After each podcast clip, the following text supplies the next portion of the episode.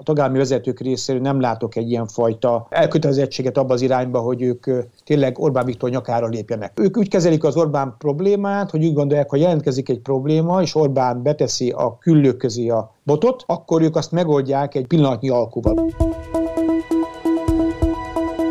Ez a messziről jött ember, a Szabad Európa podcast sorozata, a magyar kormány és az Európai Unió a közösség intézményeinek ügyeiről.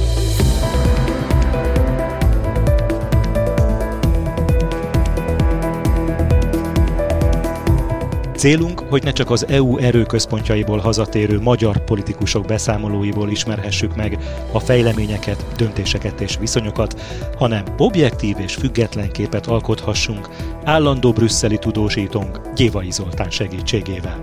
Én Vovesz Tibor vagyok. Mai témánk az Európai Parlament legutóbbi plenáris vitája Magyarországról.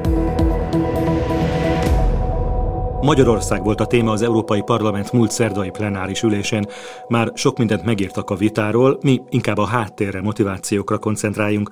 A legtöbb kritikát a magyar kormányfő mellett az Európai Bizottság és annak elnöke Ursula von der Leyen kapta. Az előbbi a jogállam leépítéséért, az utóbbi az emiatt visszatartott EU források egy részének megnyitásáért.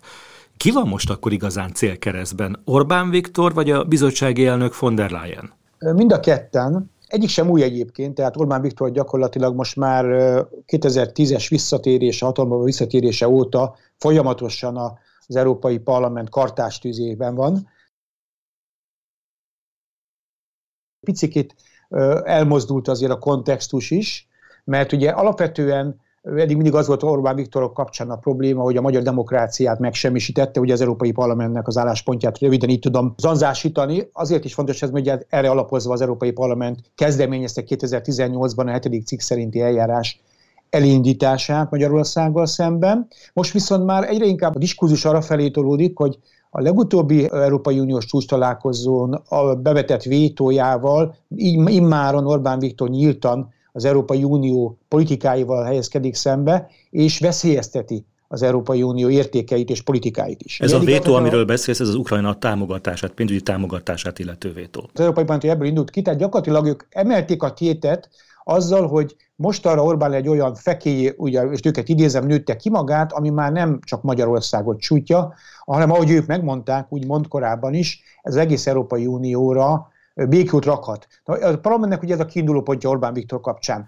És ugye ennek, ennek megfelelően az, a csütörtökön elfogadott határozat is ezt az álláspontot tükrözi.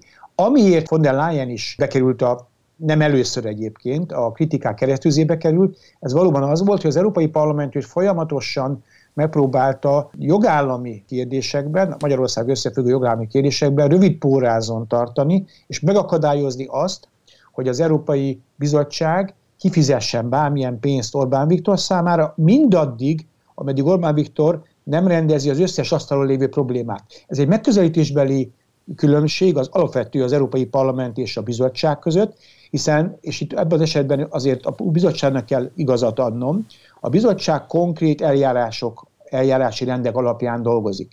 Tehát a parlament ugye itt beleszövi a politikát is, és azt mondja a parlament, hogy az nem megy, mondjuk, hogy megcsinál négy igazságszolgáltatási reformot Orbán Viktor, viszont a többivel még ugye sok reforma vagyonnyilatkozattól kezdve, integritáshatóság hatásköre, és lehetne folytatni még ezeknek a hosszú sorát, amelyek a kondicionalitási eljárásnak a részét képezik, azokat nem teljesítette, és ilyen értelemben szerintük akkor lehetne csak kifizetni bármilyen pénzt is Magyarországnak, hogyha már dupla vagy semmi alapon, ha már minden teljesített. Az Európai Bizottság viszont ugye arra utalt, hogy van az úgynevezett, volt az úgynevezett kohéziós forrásokat blokkoló, vagy részét blokkoló, sokat beszéltünk erről, ugye horizontális feljogosító feltétel, aminek az négy igazságszolgáltatási reformmal, több hullámmal egyébként, és a bizottság többször is visszatapsolta Magyarországot, eleget tett az Orbán kormány, és a bizottságnak nem nagyon volt más választása, ha csak nem akarja kitenni magát, tulajdonképpen két tűz közé is került a bizottság, egy magyar esetleges megkeresésnek vagy pernek az Európai Bíróságon. Ezért a bizottság nem tehetett mást, mondja ezt, mondja ezt az Európai Bizottság, mint azt, hogy megnyitotta a pénzcsapok egy részét, durván az egyharmada hozzáférhetővé vált, nem azt jelenti, hogy ki is fizetik ez egyharmada, de hozzáférhetővé vált, míg a kétharmada a pénzeknek továbbra is zárolva van. Az Európai Bizottság, a parlament szakértőkre, többek között magyarországi szakértőkre hivatkozva, és akik elemezték, kivesézték ezeket az igazságszolgáltatási reformokat, és találtuk bennük problémát, úgy gondolta a bizottság, hogy mégis kifizetheti, hiszen az eljárás kezdetétől fogva nem támaszthatott újabb és újabb feltételeket, ilyenek egyébként akadtak közben is, de grandiózusan új feltételt nem támaszhatott. A parlament meg úgy gondolta, hogy hogy minden kérdést most asztalon van, sakban kell tartani Orbán Viktort, és mindent ki kell vasalni belőle, amit lehet. Ez a megközelítési különbség. De most a, a lényeg az, hogy ugye attól, hogy von der Leyen nyilvánvalóan nem ilyet meg túlságosan, hogy most az Európai Parlament kitizálta őt, és ráadásul ugye az is, az is valószínű, hogy az Európai Parlament az Európai Bírósághoz fordul, Éppen emiért, emiért, ezért, mert úgy gondolják, hogy az Európai Bizottság nem tett eleget szerződésbeli feladatainak, amikor Magyarországot vagy Orbánt ilyen könnyen futni hagyta azzal a 10,2 milliárd euróval. Miközben ugye Orbán Viktorral is a másik vonalon az ukrán pénzeket illetően egy, folyik egy egyezkedés, ez volt az az ár, amit azért valahol az Európai Bizottság úgy gondolt, hogy nem volt túl nagy ár, túl drága annak érdekében, hogy a nagy problémát az, hogy legyen pénz például Ukrajna számára is megoldhatóvá tegyék. Ha jól emlékszem a tudósításodra, akkor maga von der Leyen azzal indokolta pénz hozzáférésének a megnyitását, hogy a bizottság járna el a jogállamisággal ellentétesen, hogyha a teljesített feltételek, vagy a teljesítettnek elismert feltételek mentén nem nyitná meg ezt a lehetőséget.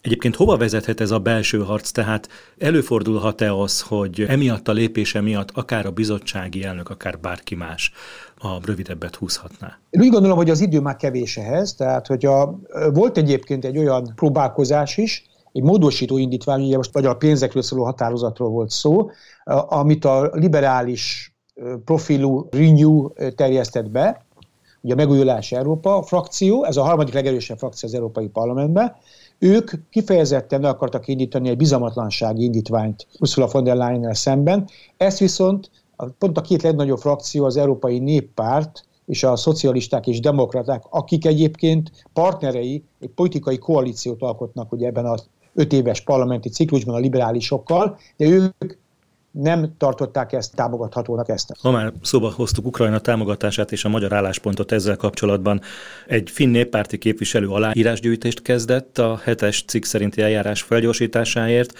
és legutóbb a Bloomberg is arról adott hírt, hogy határozott lépéseket terveznek az EU-s vezetők, a magyar kormányfő továbbra is blokkolja az Ukrajnának szánt 50 milliárd eurós támogatást. Mi lehet a következő lépés ebben a folyamatban? Tehát elképzelhető-e, hogy valóban a hetes cikk szerinti eljárás felgyorsul, vagy valamilyen új stádiumba ér? Alap esetben, alaphelyzetben szerintem business as usual, tehát minden fog menni tovább.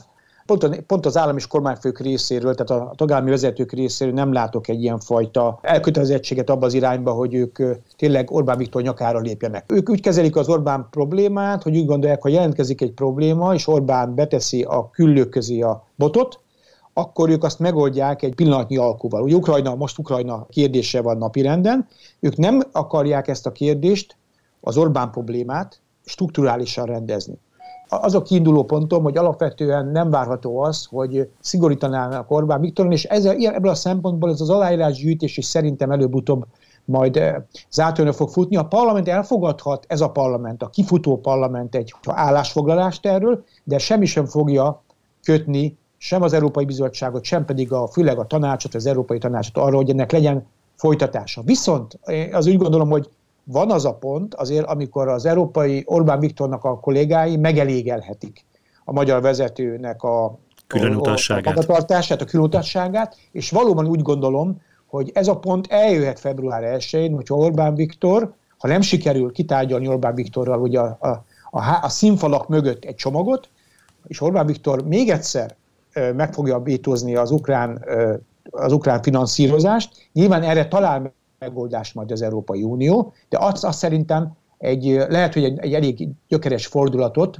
Úgy gondolom, hogy ezt Orbán Viktor is tisztában van ezzel, hogy lehet feszíteni a húrt, de a húrfeszítésnek nyilván megvan az ára, és megvan az értelme is, meg kell, hogy legyen az értelme is a részéről. Egy kérdésem van még, a magyar kormány gyakran hivatkozik az Ukrajnának szánt támogatással kapcsolatban arra, hogyha nem kapja meg Magyarország a neki dedikált 20 milliárd eurót a 7 éves költségvetésből, akkor ez a pénz Ukrajnához kerülhet.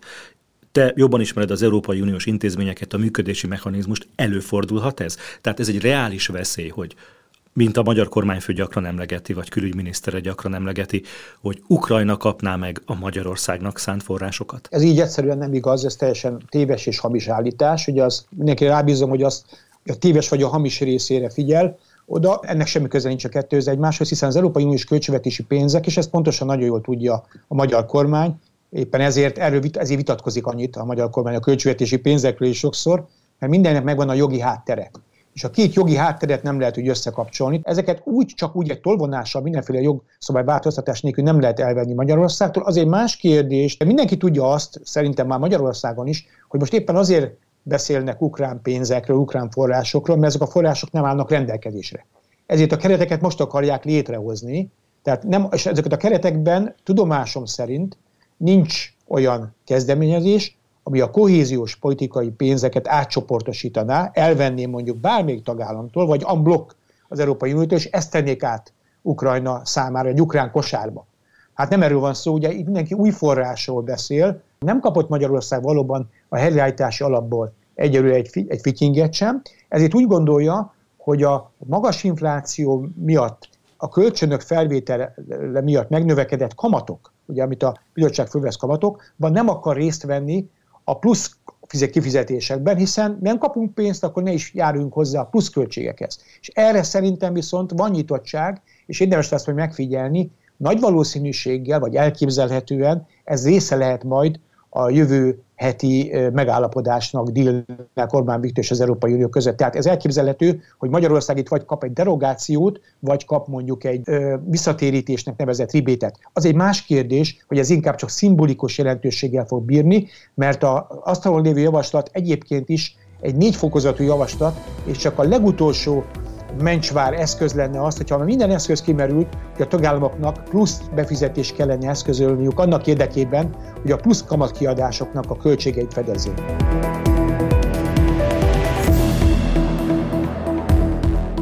Állandó brüsszeli tudósítónkkal Gyévai Zoltánnal beszélgettem. Én Boves Tibor vagyok. Köszönöm figyelmüket.